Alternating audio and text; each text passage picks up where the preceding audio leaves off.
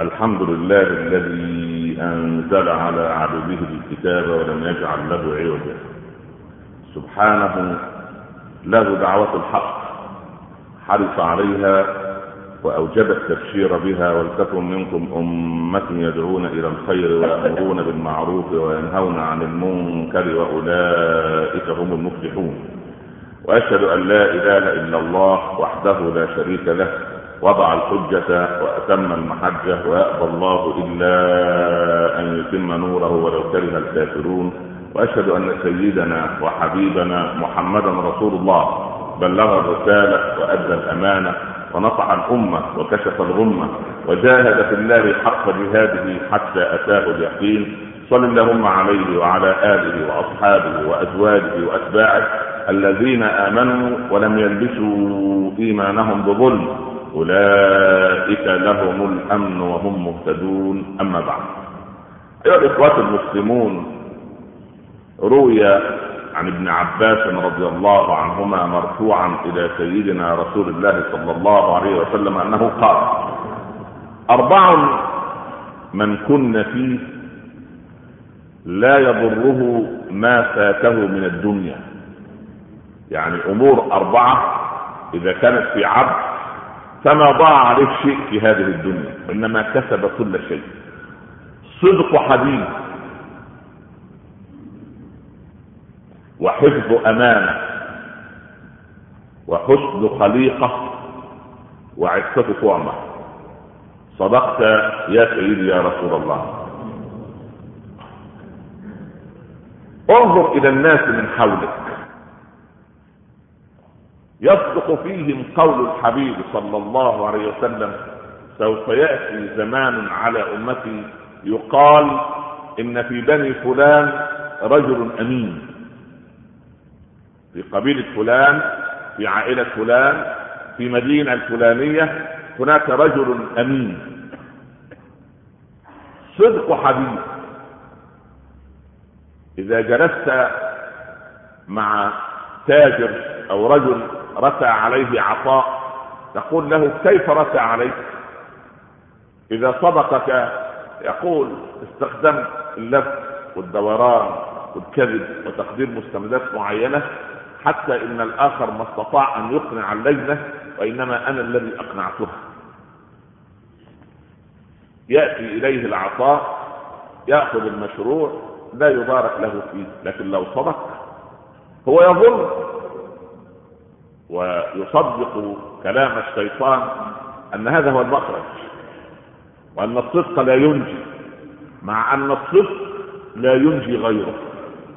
ولذلك كانت أكبر صفة وصف بها العرب سيدنا رسول الله صلى الله عليه وسلم قبل الرسالة الصادق الأمين. ونحن لما كذب الرجل على أهله وكذب الولد على أبيه وكذب الجار على جاره والمدير على مرؤوسه والموظف على رئيسه. هكذا نحن تراجعنا إلى الخلف ولن نتقدم إلى الأمام إلا إذا صدق الإنسان والإنسان الصادق إذا تعهد الصدق ما يزال الرجل يصدق ويصدق. حتى يكتب عند الله صديقا ويقول الحبيب صلى الله عليه وسلم وإن الصدق يهدي إلى البر والبر يهدي إلى الجنة. اللهم اهدنا إلى الصدق وإلى البر وإلى الجنة يا رب العالمين. لكن الإنسان ضعيف اليقين. يقول أنا لو صدقت مع زوجتي خصبت جبينها.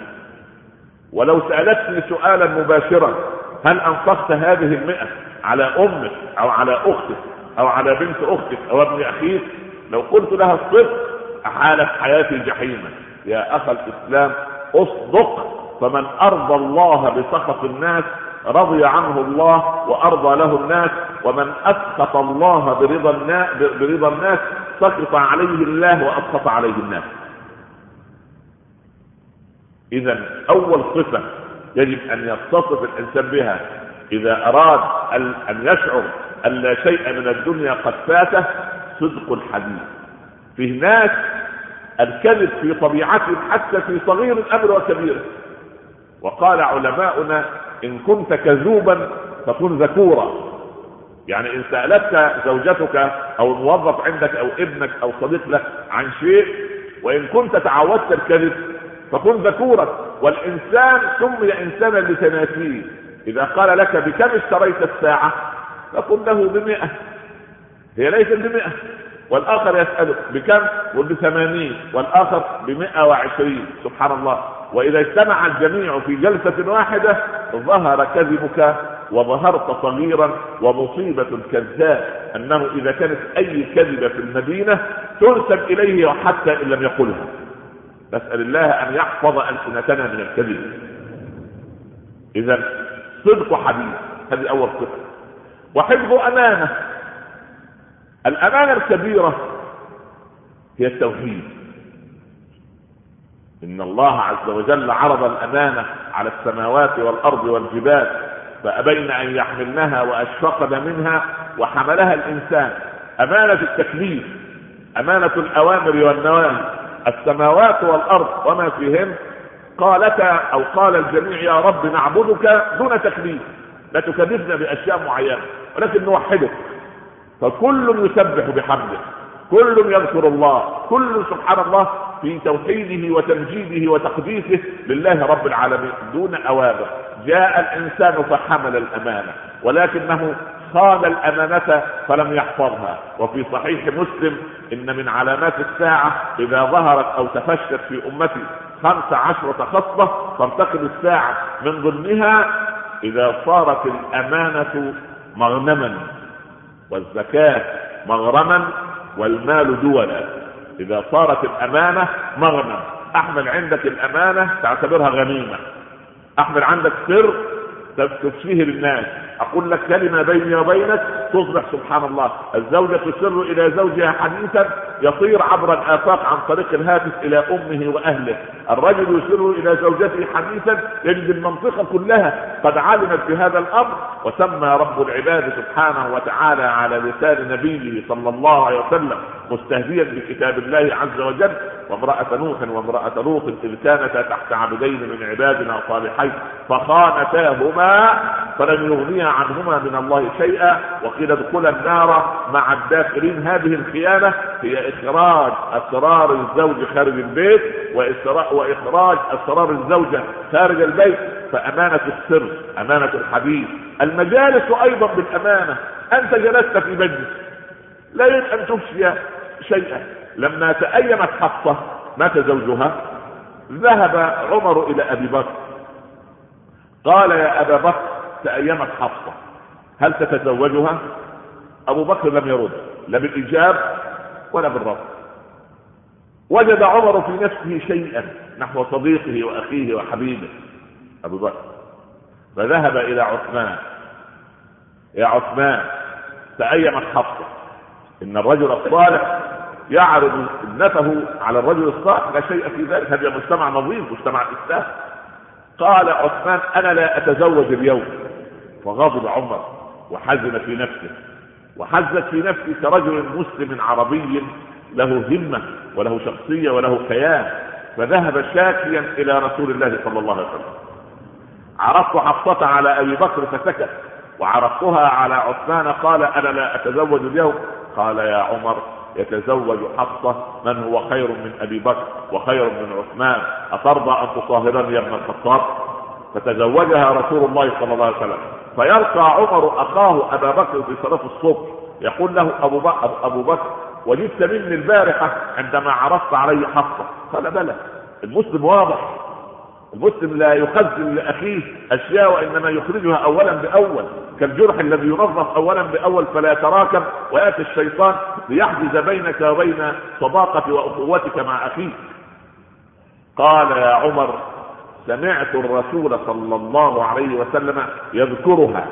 ذكر الرسول في مجلس انه يريد الزواج بحفصه سبحان الله. فأردت ألا افشي سر رسول الله. لكن المصيبة انك تذهب إلى البيت وتقول لزوجتك هل لك في من يكتم الأسرار؟ خذ هذا نعم وإن أردت أن تذيع أمرا فخبر به زوجتك وقل لها لا تخبري به أحدا وثق أنها أفضل بكثير من السي ان ان وغيرها إلا من رحم ربي من النساء الصادقات من أمثال زوجاتكم الصالحات وبناتكم الفضليات التي ربين على كتاب الله وسنة رسوله صلى الله عليه وسلم. إخوة الإسلام هذه الصفة الثانية حفظ الأمانة أن تحفظ أمانة الأعراض المؤمن من أمنه الناس على دينهم وأموالهم وأعراضهم المؤمن يحفظ الود المؤمن يحفظ أمانة الزوجية أمانة التربية أمانة الإسلام التي يجب أن يكون الإنسان واضح المعالم فيها. هذه الصفة الجميلة الثانية بعد صدق الحديث حفظ الأمان. ثم حسن الخليقة. كارثتنا كأمة إسلامية اليوم ليس في تخلفنا الحضاري ولا التقني ولا العسكري ولا الثقافي ولا ولا أبدا. مصيبتنا في سوء أخلاقنا بعضنا مع بعض. والكل للأسف يعيب على الكل. لا أحد منا يريد أن يبدأ بنفسه. لا أحد يريد منا أن يقول أنا في سبع صفات سيئة. سوف أمكث لاصلحها ولو شغلت نفسي بعيوبي لانتهت حياتي وما وجدت دقيقة واحدة أن أشغل نفسي بعيوب الناس. لكن الكارثة الكبرى إننا إذا قمنا من الصباح كما قال ابن أدهم رضي الله عنه ألقينا عيوبنا خلف ظهورنا وافترشنا عيوب الناس أمامنا. نسأل الله أن يبصرنا بعيوبنا وأن يقيمنا على طريقه سبحانه. حسن الخليقة يقتضي منك ألا تظلم ألا تقول إلا الحق أن تستقيم على طريق الله أن يثني الناس عليك. إن مت ترحموا عليك وإن غبت حنوا إليك. أما إن تمنى الناس وفاتك وملوا حياتك فاعلم أن خلقك معهم سيء لأن الله لما وصف حبيبه صلى الله عليه وسلم قال له وإنك لعلى خلق عظيم. اللهم خلقنا بأخلاق رسولك يا رب العالمين. أقول قولي هذا وأستغفر الله لي ولكم. أحمد الله رب العالمين وأصلي وأسلم على سيدنا رسول الله صلى الله عليه وسلم. أما بعد. وعفة طعمة. هذه الخليقة الرابع أو الخلق الرابع أو الصفة الرابعة من الصفات الجميلة التي إن رزقتها فما ضاع شيء عليك من الدنيا. يا إخوتاه الناس اليوم كما وصفهم رسول الله صلى الله عليه وسلم سوف يأتي زمان على أمتي يسمون الحرام بغير أسماء. الحرام له اسم محدد الربا ربا سرقة سرقة. هذه محددات في الإسلام. نحن نلف وندور. والله ما نظرت أنت إلى بيت يأكل من ربا أو من حرام إلا وتجد مصدعا ممزقا لا رحمة من الزوجة على زوجها ولا راحة للزوج إلى زوجته ولا بر من الأبناء ولا البنات لأن المال الحرام الذي يجمعه الإنسان كما قال حكيمنا العربي جمع الحرام على الحلال ليكثره دخل الحرام على الحلال فبعثره المسلم يقتضي أن يأكل حلالا يا سعد اطل مطعمك تكن مستجاب الدعوة والذي نفسي بيده لو أن لأن العبد لا يقذفه باللقمه الحرام في جوفه لا يتقبل الله له عملا أربعين يوما. جاء عقيل ابن أبي طالب يوما لأخيه علي رضي الله عنه آل بيت رسول الله صلى الله عليه وسلم جميعا. قال يا علي أعطني من بيت المال. سامير المؤمنين وبيت المال تحت يدك أعطني. نظر عقيل نظر علي إلى أخيه عقيل وقال لو ائتني بعد صلاة العشاء. فرح عقيل أن هناك مدد وهبة سوف يأخذها من بيت المال. جاء بعد العشاء كان علي قبل أن يطرق عقيل بابه جاء بحديدة فحماها ثم غطاها ثم قال لعقيل مد يدك وخذ ما تريد. وضع يده عقيل على الحديدة المحماة فأرشي عليه. فلما أفاق قال أهكذا يصنع الأخ بأخيه؟ قال وأنت تريد أن تصنع بنا ما رأيت. أتريد أنا وأنت ندخل النار يوم القيامة في أموال للمسلمين نأخذها دون وجه الحق. عمر الله يرضى عليه دخل فوجد فرس.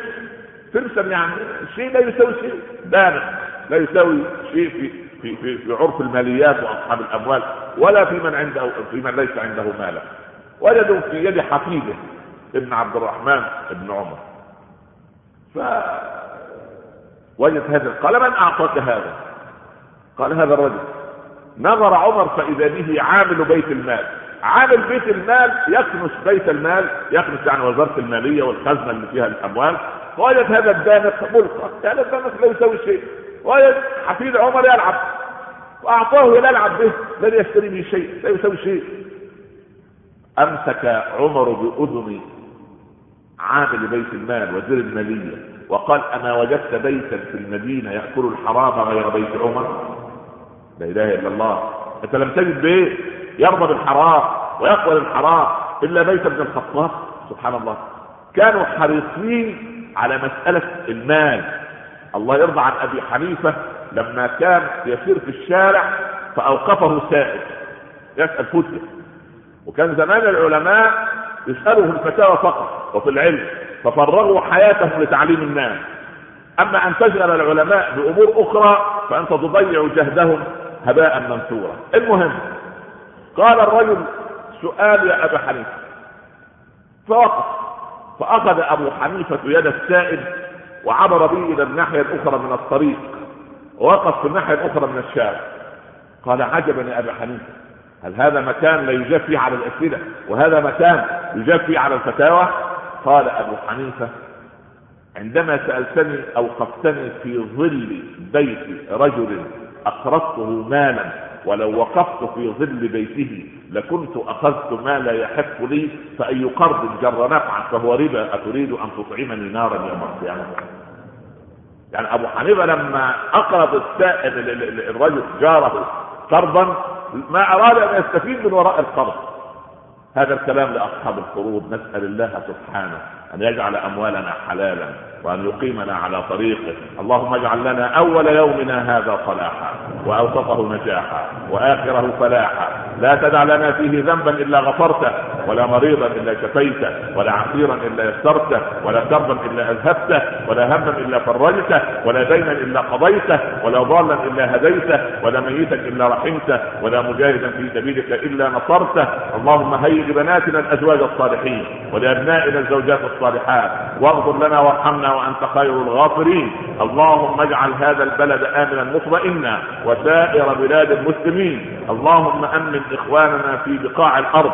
اللهم أمن إخواننا وأبنائنا في لبنان وفي فلسطين وفي العراق وفي كل أرض تعبد فيها يا رب العالمين. اللهم من أراد بالمسلمين سوءا فرد اللهم سوءه إليه واجعل تدميره في تدبيره. اللهم أقمنا على طريقك واغفر لنا وارحمنا وأنت خير الغافرين. اجعل اللهم خير أعمالنا خواتمها وخير أيامنا يوم أن نلقاك. وصلى الله على سيدنا محمد وعلى آله وصحبه وسلم. بسم الله الرحمن الرحيم والعصر. ان الانسان لفي خسر الا الذين امنوا وعملوا الصالحات وتواصوا بالحق وتواصوا بالصبر صدق الله ومن اصدق من الله قيلا نكمل حديثنا بعد الصلاه ان شاء الله واقموا الصلاه وقوموا إلى صلاتكم يرحمكم الله أحمد الله رب العالمين وأصلي وأسلم على سيدنا رسول الله صلى الله عليه وسلم. أما بعد أحبتي في الله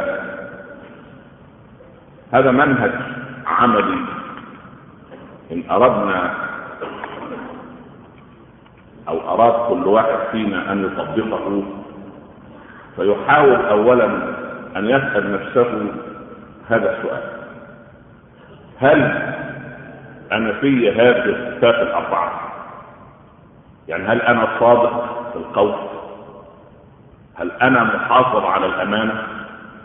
هل أنا حسن الخلق؟ هل أنا آكل من الحلال. هذه أربعة أسئلة. اسأل نفسك هذه الأسئلة بوضوح مع نفسك. وإياك أن تضحك على نفسك لأن الزمن لا ينتظرك. الزمن لا ينتظر أبدا. يقول أهل العلم أول ما تخرج روح العبد ويضعه أهله على خشبة الغسل من السجود تقول الملائكة هل تركت الدنيا أم الدنيا تركتك؟ هل أعددت نفسك للقاء الله أم المنية فاجأتك؟ سبحان الله. كنت غنيا فصرت فقيرا. كان لك الحول والصوت فأصبحت بلا حول ولا صوت. بالله عليك كل إنسان فينا هل هناك مخلد في هذه الحياة؟ طيب طالما سوف يأتيني هذا اليوم فهل في هذه الصفات الأربع أم لا؟ هل أنا صادق الحديث؟ يا أخي يقول علماؤنا إن للذنوب رائحة من فضل الله أن البشر لا يستطيعون شمها. يعني حاسة الشم اللي عند البشر لا تستطيع الشم المعنوي. يعني تشم شم إيه؟ حس. تشم رائحة ذكيه رائحة كريهه هذا في الإيه؟ في حاسه الشم لكن الذنوب لها روائح لا تشمها إلا الملائكة. فلما يكذب العبد الكذبة الملكين يبتعدوا عنه بعد ميلين ويقولون يا نتن الرائحة التي خرجت الكذب طيب ما مقياس الكذب؟ إحنا طبعا قسمنا الكذب كعرب العرب دايما ما شاء الله عليهم. عندهم تفسير القوانين يعمل لك إيه؟ اصل في كذب أبيض وفي كذب مش عارف. قسموا الوان والكذب في الإسلام هو اسمه إيه؟ أباح الله لك الكذب في أمور محددة. إصلاح بين المتخاصمين. دول مع الزوج تقول له يا سلام يا راجل. مزعل بنت الناس ليه ومغضبها في بيت ابوها. ده ابوها بيقول عليك من ساعة ما فلان ده جه تزوج بنتنا من عشر سنوات والخير اللي نازل عندنا ما شاء الله لا قوة إلا بالله. ده إنسان لا الله أكبر على الأخلاق. وحماه حماه الله. ما قال هذا. بالعكس ده بيقول الله يسامح اللي كان السبب الله يجازي الله يرحم اللي رب. يعني كده المال يبعث اللعنات والدعوات. سبحان الله. لكن أنت يبيح, لك أن تكذب لكي تصلح وتروح للحمل العزيز والد الزوجة تقول له يا سلام يا أبو فلان. ده زوج بنتك ده يقول حماية ده الله أكبر. اعتبره أبويا وحماتي الله يكرمها. يقول زي أم. ويكفي الله يرحمك يا أم ما هو مش لاقي حنان الأم. ضاع حنان الأم. هذا الكذب مباح للاصلاح بين أما غير ذلك في الحرب يجوز. كذب رجل على زوجته مش كنت فين ولا كنت في المسجد مع الشيخ لا كنت كتبتها. هذا كذب. كذب في إيه؟ يعني هي لم يعطيها رب العباد قدرا من الجمال مثلا. وأنت شايف اللي رايح واللي جاي اصل بلاوي. تفتح المصيبة اللي قدامك دي العالم كله ينتقل كله خرج من غير ما يلبس. كله خرج قبل أن يلبس. يطلع على شاشه سبحان نسيوا يلبسوا سبحان الله. لفقرهم ما عندهمش يعني يستروا الجسد. عايز تتبرع عليهم 100 درهم عشان تستر الجسد؟ المهم تبص لزوجتك كده يا سلام. الله أكبر. الله أكبر. سبحان من أنشأ. سبحان من خلق. وأنت في نفسك تقول الله يسامحك خالد ها؟ هذا كلام الإسلام يشرع شوف عظمة الدين. عظمة الدين عشان البيوت تستمر. عشان البيوت تقوى علاقات. المرأة بطبيعتها إحنا كطبيعة البشر رجل وأنثى عندنا طبيعة الغرور. فأنت لما ما تكرر تقرر فأنت لما تكرر على ما سمعها أنها جميلة جميلة أنا يهمني إيه؟ ما شاء الله ما دام أنا جميلة في إيه؟ في عين زوجي كبر هذا كذب مباح. لكن عائشة تقول لابن أختها أسماء هاك تمرة يا عبد الله هاك تمرة خذ تمرة. يقول النبي أفي يدك شيء يا عائشة؟ تقول رسول الله؟ فيه تمره قال لو لم يكن في يدك شيء لكتبت عند الله كذبا. وإن الكذيبة كذبة. الكذبه الصغيرة من لا تقول أبيض وأصغر وكذبه صغيرة وكذبه كبيره لا. ف امرأة في عصر تابع التابعين ذهبت إلى تاجر التمر في بغداد. اللهم أعز لبغداد هدوءها. وأعدها إلى وطنها سالمة غانمة يا رب إن شاء الله وكل بلاد المسلمين. فنشتري التمر قال عجبا. هذه بلدة ما يشتري أحد فيها التمر إلا في رمضان. مش معنى جاية في شهر غير رمضان زدت في الكمية من التمر. قال الله علي أيام من رمضان الماضي ورمضان الذي قبله ورمضان الذي قبله. على أيام صيام يعني. تأخذ تمر تفطر عليه. وأريد أن أشتري منك بالآجل. يعني بالإيه؟ بالتخصيص قال سبحان الله. تعاملين الله بالاجر وتريد أن تعاملين أنا بالاجر إذا كنت أنت يعني اجرت مع الله عز وجل اجري معي أنا أقبل إزاي أن أبيع لك؟ طالما أنت تكذبي على الله أن تصدقي معي في في, سداد في سداد الثمن. سبحان الله العظيم. فقضية الكذب. لا كذب أبيض وكذب أحمر. لا كذب صغيرة ولا كذب. الكذب كذب. فعاهد نفسك اليوم وقل سوف أكون صادقا. طب بالله عليك لو خرج كل صدق في قلب كل موظف على لسانه أمام مديره ها؟ المدير يعمل إيه؟ يستقيم. يعني أنت خرجت اللي في قلبك ناحية المدير بتاعك. ده المسلوب مرحبا يا أبو فلان ما شاء الله. الله يقي المصلحة نوارك يا شيخ. لكن لو خرج اللي في قلبك شوف كارثتي انني رجل واقعي مؤلم دايما الواقع عامل زي الايه؟ زي الجراح بس مش الجراح العربي الجراح العربي فيه حنان الجراح الأوروبي تروح عند الجراح الأوروبي ولا الأمريكي يقول لك إيه؟ شوف أنت عايز عمليات القلب ويجيب لك الفريق بتاع الإيه؟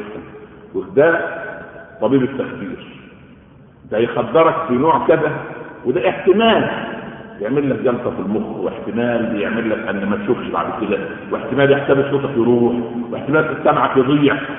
يقول لك هذا في الواقع. أما ده بقى اللي معاها المنشار الكهربي هيعمل إيه ده, ده إحنا ما عندناش مباني. يقول لا ده اللي هينشر القفص الصدري. وتحب تشوف يعرض لك على الشاشة أو قفصك الصدري هينشر كده زي بالضبط الإيه؟ الميكانيكي اللي بيشتغل في البدايه وبعدين الطبيب ده هو اللي يشوف قلبك كده يطلعه من الصدر لا حول ولا قوة إلا بالله. أنا بالله عليك عامل زي الطبيب الايه دايما أواجه الأمة بآلامها وجراح المهم صدق الحديث. هل نوينا أن نصدق في حديثنا إن شاء الله. طيب. حفظ الامانه أهم الأمانات التي تضيع اليوم الأسرار. يا اخوانا قضية السر أنا لما أستأمنك على السر. يا أخي لا تفشي لا إلا إذا استأذنت. يقول الصالحون المؤمن قبر لأخيه. في ناحية الإيه؟ السر. ما دخل القبر يخرج الا يوم القيامة. فلما يسر يجيب بسر قالت أم أنس أين كنت يا أنس؟ قال كنت في أمر لرسول الله صلى الله عليه وسلم. فالأم الصالحة لو كانت أم يعني صناعة 206 أو 2006 كانت تقول له إيه؟ الرسول أرسلك فين؟ وكان زعلان مع زوجته ولا كان راضي؟ وكان وكم أعصاب ابدا. قالت يا انيس إياك أن تفشي سر رسول الله حتى ولو ولو لي هذه الأم. إياك تفشي سر ما لا تقل لي وتخبرني أين كنت خلاص. هذا سر رسول الله صلى الله عليه وسلم. سبحان الله. والله لو حفظنا أسرارنا وحفظنا على الناس أسرارهم التي ائتمنون عليها الناس ينعموا بالهدوء لأن أحيانا تجلس في مجلس تقول كلمة تندم عليها.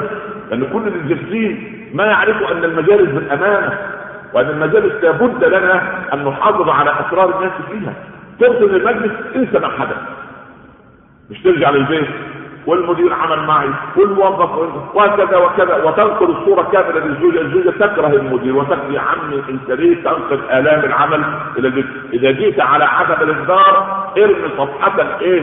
العمل خلفك واجلس مع زوجتك كزوج مع زوجة أولاد أسرة هكذا. إذا أردنا صلاح بيوتنا. هذا هو الأمر الثاني حفظ الأمانة.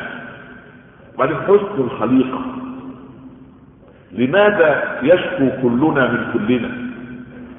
يا أخي لو جه واحد وزاحمك في المسجد تحمله تحمله يا ما فيش مشكلة. لما يزاحمك شوية تفسحوا كده تفسحوا تفسح يفتح الله نفسه. يعني الإنسان جاء ثلاثة إلى مجلس رسول الله صلى الله عليه وسلم. فوجد ازدحام فواحد استأذن من الناس كده وراح جلس في أول صف. الثاني استحى ده أنا جاي متاخر ورسول الخدام فجلس آخر الصف. الثالث قال يا ما كل يوم هيسمع درس. مشي. فعلق النبي صلى الله عليه وسلم وقال أما الأول فأقبل. فأقبل الله عليه. وأما الثاني فاستحى. فاستحى الله منه. وأما الثالث فأعرض فأعرض الله عنه. هي سلوكيات سلوكيات واحد عايز يقف الصف الأول. لا بعد بس بعد الاذن والاستئذان دون أن يؤذي أحدا. لا ده جاي متأخر. والإمام صعد على المنبر. وقعدنا نقول يا اخوانا زي بعض تزاحموا وتراحموا كل الاخوه يتزاحموا ويضيقوا على أنفسهم. رغم جايين من ساعتين. وبعد ذلك يقف ليصلي. لا حول ولا قوة إلا بالله. يا أخي في أدب. حتى وإن كان هذا رأي لبعض الفقهاء وما لو في رأي آخر لأن الإمام لو قال الحمد لله أغلقت الملائكه كويس. انت بتصلي منفردا في بيتك بالليل وتشهو وتسرح. وقت تصلي. والحمد لله رب العالمين والإمام يقول الحمد لله أما بعد. بالايه عليه أنت بتسمع الإمام ولا تسمع خليك منطقي مع نفسك. جيت متأخر استحي تجي بارك الله في الإخوة اللي وسعوا لكن لا لازم يجي ويقف ويستنى ويضحك في إيه؟ لماذا لا نتعلم ونتأدب؟ وأيضا يا اخواننا اجلسوا هذا؟ ولا كلمه سامع ولا كلمه لكن لو مدير المؤسسة في اجتماع الساعة الخامسة واللي لم يأتي يخصم له ثلاثة أيام يعمل إيه؟ يبات في المصباح. رقم على نفسه لكن عند المسجد وكلام الشيخ كلام المشايخ ثقيل ثقيل على الاسماع وثقيل على النفوس وثقيل على الكبير والصغير والرجل والمرأة. وإن لم يأتي كلام الشيخ على هوى الجالس يا عم ده متشدد يا عم ده صعب. عارف يطلع من الخطبة ولا كيف؟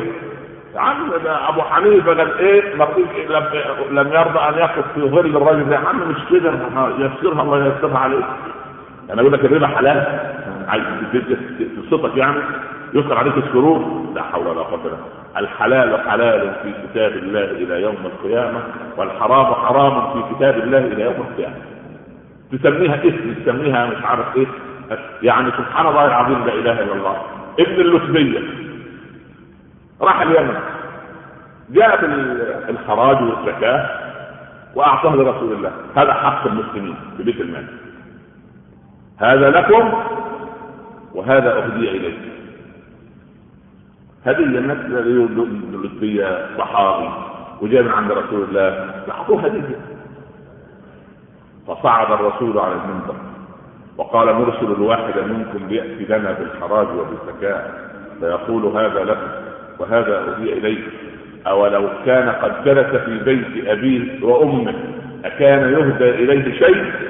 هدايا العمال غلول. هدية الموظف أثناء وظيفته اسمها رشوة. رشوة. حتى الدول الأوروبية وهي تسير وفق الفطرة لما تيجي هدية ليها حد معين إن زادت على الحد المعين تدخل إلى إيه؟ إلى المالية العامة إلى وزارة المالية أو الخزانة أو الحكومة أو الدولة. فقدوا بالفطرة ما فطر الله الناس عليه. ولكن نحن يستحيل الموظف ياخذ من تحت الطاولة ومن فوق الطاولة وبالوضوح وبعدين يسميها أسماء. يا سيدنا الشيخ مش رشوة. اكراميه هبه توسيع دماغ. يا أخي ده تضييق دماغ. ده إغلاق دماغ. ما فيش دماغ. سبحان الله. هدايا العمال غلو. عارف لما أنت تعطي رشوة للموظف؟ أنا أجي يوم القيامة أتعلق في رقبتك ليه؟ لأن أنا هروح للموظف لأنه اعطيني رشوة. أو أخوك الثاني مش هيفتح كلام الشيخ عمر وهيروح في 60 سلامة وحر. سبحان الله. مش هيعطي رشوة. الراجل يقول له إيه؟ لا والله الاوراق نقص ورقة. ليه؟ أصل رأس المسلم رضي الله عنه مش باين مثلا يعني وده الخاتم ده مش باين الحرف ده دي النقطة مش واضحة. لو حطوا فيهم تمشي. واضحة شوية لا إله إلا الله. ليه؟ لأن أنت افسدته فأنا أتعلق بما خطك يا قلت ليه افسدته علي ما كان كويس؟ كان راضي وقانع بما أتاه الله هدايا العمال غلول. الله يرضى عن عمر بن عبد العزيز قسموا عطور بيت المال راح سد أنفه. قال إيه أمير المؤمنين؟ قال ما يستفاد منه إلا برائحته العطور ده إيه الفايدة منه؟ نشوف وده بيت مال. ومال بيت المال حرام علينا مش المال العام. في بيتك أول ما تدخل في أضاء الأضواء قبل المغرب بدقائق. ترفع صوتك. أنتم مش عارفين الناس تحتفر اتقوا الله. بالاولاد أما تروح الصباح الشمس ما شاء الله. يا أخي ده الشمس في البلاد كلها ربما بعيدة عن مدارها. الحمد لله إحنا في الأرض. الشمس اقتربت من الأرض. النور واضح من الصبح قبل الفجر تقرا سبحان الله. فترسل اشعتها من قبل سبحان الله. اول ما يروح يا ابني لو أنت في بيتك لو في بيتك توقد الكهرباء. يا أخي اتق الله في المال العام اتق الله في الهاتف الذي تتصل به لأمورك الشخصية. اتق الله في السيارة التي تصرف لو حافظنا على الأمانة وحافظنا على المال العام وكان عندنا حسن الخليقة ثم أكل الحلال الذي صار صحيحا اليوم لاستقامت أحوالنا. فلما ترجع البيت راجع نفسك. قل يا ترى متى أتخلق بهذه الأخلاق؟ لذلك يقول حبيبنا صلى الله عليه وسلم أربع من كن فيه فما فاته شيء من الدنيا. ما ضاع عليك شيء من الدنيا ابدا طالما عندك الاربعه دي صدق وحديث. احفظ عشان تخرج حافظ من الخطبة صدق وحديث. وحفظ أمانة. وحسن خليقه وعفة طاعة. صدق. خلي بالك من المبتدا في كل واحدة. صدق. وحفظ. وحسن. وعفة. حتى الأربعة المنفرده دون الخبر جميلة. صدق. من يكره الصدق؟ سواء صدق حديث صدق تعامل أي صدق صدق. وبعدين؟ حفظ من يكره أن يحافظ الناس على الناس؟ سبحان الله. بعد حسن. حسن الشكل وحسن الهيئة وحسن الظاهر وحسن الباطن. كل ده حسن. سبحان الله. وبعدين إيه؟ عفه العفة. سبحان الله العظيم. فلما